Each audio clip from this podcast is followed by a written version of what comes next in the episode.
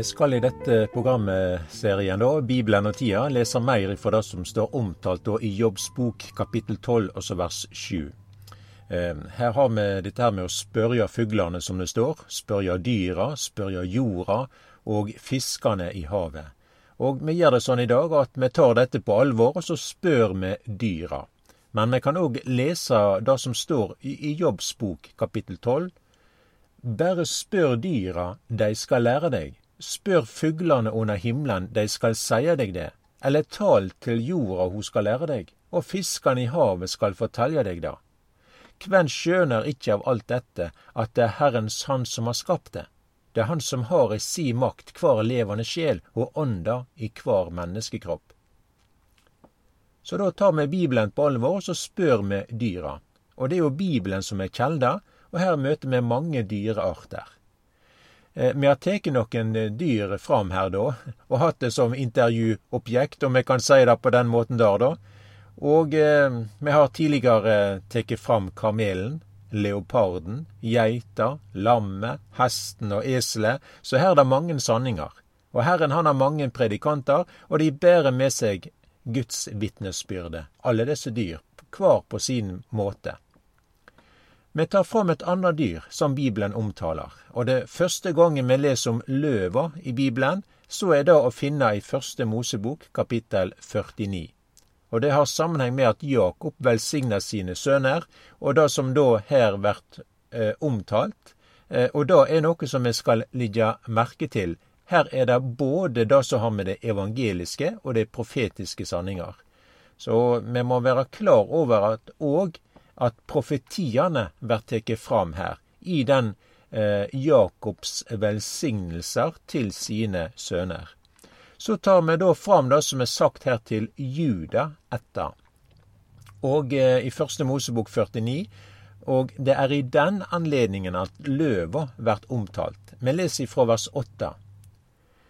Juda, brødrene dine, skal prise deg. Handa di skal være på nakken til fiendene dine far din skal bøye seg for deg. Juda er ei ungløve, du har steg opp for rov, sønnen min. Han bøyde seg. Han la seg ned som ei løve, som ei løvinne. Hvem våger å vekke han? Kongespir skal ikke vike for Juda, og ikke herskerstav fra føttene hans, til dess fredsfyrsten kjem og folka lyder han. Han bind det unge eselet sitt til vintreet, og folen åt eselhoppa til den edle ranka. Han vaska kledene sin i vin og kjortelen sin i blodet av druer. Dunkle er auga hans av vin, og kvite er tennene hans av mjølk. Eh, her leser vi noe som er veldig interessant, og her er det sanninger som er viktige å ta med. da. Eh, men her er det da en av Israels stammer som er tatt fram, og denne stammen bærer med seg kongelinja, og det er Juda etter. Og i Bibelen da leser vi jo eksempel dette her om Melkisedek som bodde i Salem. Han var både konge og prest for eh, den høgste Gud. Denne Melkisedek han kom i møte med Abraham, og han velsigna Abraham. Og denne velsignelse var nok eh, den sammenhengen med både presten og kongen. Og Abraham han er Israels patriark. Her har du stamfedrene. Og her går òg den kongelige og den prestelige linja, da. Og dette peker fram på Jesus, Messias. Og det blir jo sagt til Jesus at du er prest til evig tid etter Melkisedeksvis. Dette er jo et eh, veldig bibelmateriale i seg sjøl, men bare nevne dette bare for å sette det inn i den sammenhengen som det har med judaætta i Israel. Og eh, det er sagt eh, til Abraham at konger skal gå ut ifra deg. Og da sier Herren der i første Mosebok 17 over 6. Jeg gir deg overlagt fruktbar. Jeg gir deg til mange folk, og konger skal gå ut fra deg. Og denne kongelinja her, da, så finner vi det att her, da, som er sagt til eh, og om Juda. Da når Jakob velsigna sine sønner. Så dette her med kongespir, det, det, det skal ikke vike fra Juda. Det blir slått fast her, og streka under her. Og eh, den eh, anledningen her, da, som eh, eh, vi leser om det kongelige med Juda, så trer løva fram. Og Juda er ei ung løve. Og det har sammenheng med at her har du noe av det kongelige med Jesus. Jesus er konge. Eh, og det er jo ei sanning, eh, dette her, for eksempel at Jesus er frelserkongen. Han døde for meg. Og dette er viktige sanninger. Men det som òg er viktig, er at Jesus er ikke bare kruna med ei klungerkrone, men han er krona med herligdom og ære. Og vi kan lese bibelord ifra Hebreabrevet 2 der, og eh, vers 9. Men han som for ei stutt tid vart sett lågere enn englane, Jesus, han ser vi krona med herligdom og æra fordi han lei døden, så han med Guds nåde skulle smake av døden for alle. Og Dette står jo da i Hebreabrevet i Det nye testamentet, og det, dette brevet da er jo som ei prestebok. Vi har jo Tredje Mosebok, som er presteboka i Det gamle testamentet, men så har du da òg Hebreabrevet. Og her i Hebreabrevet er det ikke bare presten som er tatt fram, men han som er prest, han er også kongen. Og Så følger vi da denne etterlinja her, både med det som har med Maria og Josef, foreldra til Jesus. Og da vil vi se at ved Maria går det ei prestelinje. Maria hun er av presteett, og Josef er av Davids ett. Juda-ett og det, det er kongelinja. Så vi ser jo i, når vi leser juleevangeliet, at Josef han måtte da reise fra Nasrat i Galilea til Betlehem fordi han var av Davids hus og ett. Så, og videre da i Hebreabrev så står det òg i kapittel 7 der, og vers 14 at det er ei kjent sak at Jesus er rønnen av Juda. Så når eh, apostelen Paulus, når han skriver til Timoteus, sin venn, så står det i det andre brevet han skriver, kapittel 2 der vers 8, følgende Kom Jesus Kristus i hug, han som er reist opp fra de døde, av Davids ett, etter mitt evangelium. Så her blir det òg streka under at Jesus er av Davids ett. Og det er jo sagt i den sammenheng at Jesus er i himmelen i dag. Han er den oppstandende frelser. Han sitter ved majestetens høyre han. Han går i forbønn da han alltid lever til å gå i forbønn for deg, står det. Og Jesus, han skal komme igjen. Og da tenker vi på det som har med Jesu gjenkomst til Oljeberget. Og Jesus han kommer ikke i kraft av at han er en europeer eller en amerikaner, men han er av Davids ett. Og det sto jo også på Jesu kors, Jesus fra Nasaret, kongen over jødene så skriver Paulus, kom Jesus Kristus i hug, han som er reist opp fra de døde, av Davids ett. Og i denne anledningen her, og disse sanningene her, da, så er det at løva trer fram. Og når vi da leser at Jesus er konge av Davids ett, at han skal komme att, så er det ikke at Jesus kjem som i kraft av lammet, men da er det ei løve som er emblemet og symbolet. Og Jesus sier også dette om seg sjøl. Og vi kan sitere dette her ifra Åpenbaringen 5, av vers 5. Men en av de eldste sier til meg, gråt ikke. Sjå, løva av Juda etter, Davids rotrenning, har sigra. Han kan åpne boka og de sju segla på henne.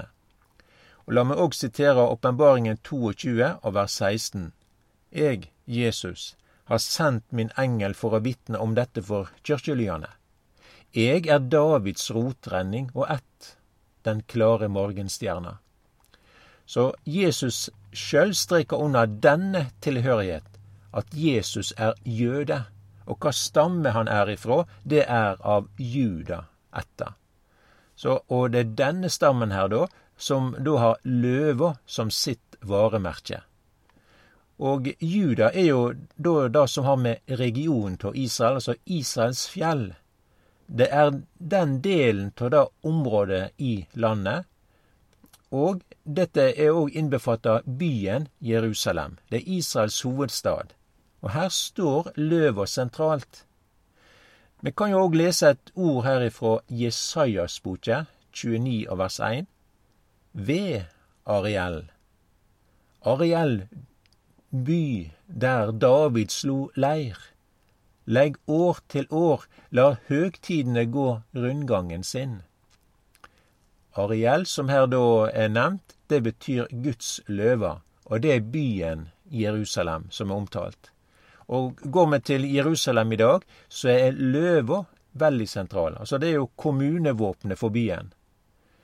Vi ser løva sitt emblem på kummelokk i gatene. Vi ser det på kommuneflagget i Jerusalem. På alle offentlige kommunale eiendommer osv. Så, videre, så er det løva sitt emblem eh, de bruker. Og Dette har jo da sammenhengen med Bibelen og det profetiske ordet. Så vi er ikke overraska over at Jerusalem har ei løve som sitt emblem. Dette er jo noe som har med Bibelen å gjøre. Profetene talte jo om det, og Jesus sa jo sjøl at Jerusalem, det er byen til den store kongen. Matteus 5, vers 34 kan vi lese. Men eg sier dykk, det skal i det heile ikkje sverja, korkje ved himmelen, for han er Guds trone, eller ved jorda, for ho er fotskammen hans, eller ved Jerusalem, for det er byen til den store kongen. Så her er det mange anledninger hvor vi ser den sammenhengen her. Følgende Jesus Messias, byen Jerusalem. Og her trer løva fram. Det er den tilhørighet som har med Juda etter. La meg òg nevne Jesajas 62 her, også vers 3. Eh, her er det jo sagt at om Jerusalem du skal være ei herlig krone i handa på Herren, og et kongelig hovedsmykke i handa på din Gud. Og i vers 1 så står det knytta til her, da, for Sions skyld vil jeg ikke teia, og for Jerusalems skyld vil jeg ikke være still, før hennes rettferd går fram som en stråleglans og hennes frelse som en lysende fakkel. For Sions skyld. Jerusalems skyld. Altså, du skal være ei herlig krone i handa på Herren, et kongelig hovedsmykke i handa på din Gud. Så det er heller ikke noe nytt dette her at land og riker har løver som sitt emblem. Vi trenger jo ikke gå lenger enn til vårt eget land og folk. Da trer løva fram. Vi kan òg nevne det babylonske riket, så vil vi sjå det samme. Og dette er jo mye omtalt i Bibelen, dette med løva òg som sitt merke. Vi går til Daniel kapittel sju. Her er det fire dyr som trer fram, og det første dyret det handler da om Babel. Så leser jeg her vers fire. Følgende. Det første likna ei løve og hadde ørnevenger. Medan jeg så på, vart vengene revne av, og det vart luft fra jorda og reist opp på to føtter som et menneske. Det fikk et menneskehjerte. Når vi da leser emblemet som Babylon bruker, og denne løva som da er reist opp på to bein og står som et menneske, så kan jo det nær sagt minne om, om det norske emblemet. For det kongeriket Norge har jo det på samme måte. Så det er litt sånn underlig. Og så er det så likt med Babylon. Og denne løva her som vi da leser om jo Daniel, hadde ørnevenger. Og det forteller noe om hva som var babylonerne sitt ønske. Og vi kan gå så langt og si at dette er et satanisk ønske. Dette med løver med ørnevenger, det betyr å ha makt både på jorda og i himmelen. Dette er et satanisk mål, og da ser vi attjå Nebukaneser. Han var konge i Babel. Det var jo òg her de reiste Babels tårn, og det er uttrykk for akkurat det samme. Et Babel som ønsker å erstatte Gud. Og det handler i bunn og grunn om mennesket som ønsker å ta Guds plass. Og vi kan jo òg nevne Guds motstander. Altså, han bruker ofte Guds emblem. Satan har heile tida slike etterligninger. Og det er mange typiske dømmer på det. Vi kan jo òg lese da at motstanderen vår går rundt som ei brølende løve. Vel, vi rakk gjerne ikke så mye intervju med løva her, da. Men vi ser noe av budskapen. Vi ser noe av den kongelige. Jesus Messias. Dette er understreka, da. Og konges spire, som ikke skal vike fra Juda. Guds løfter står fast. Jesus kjem snart igjen.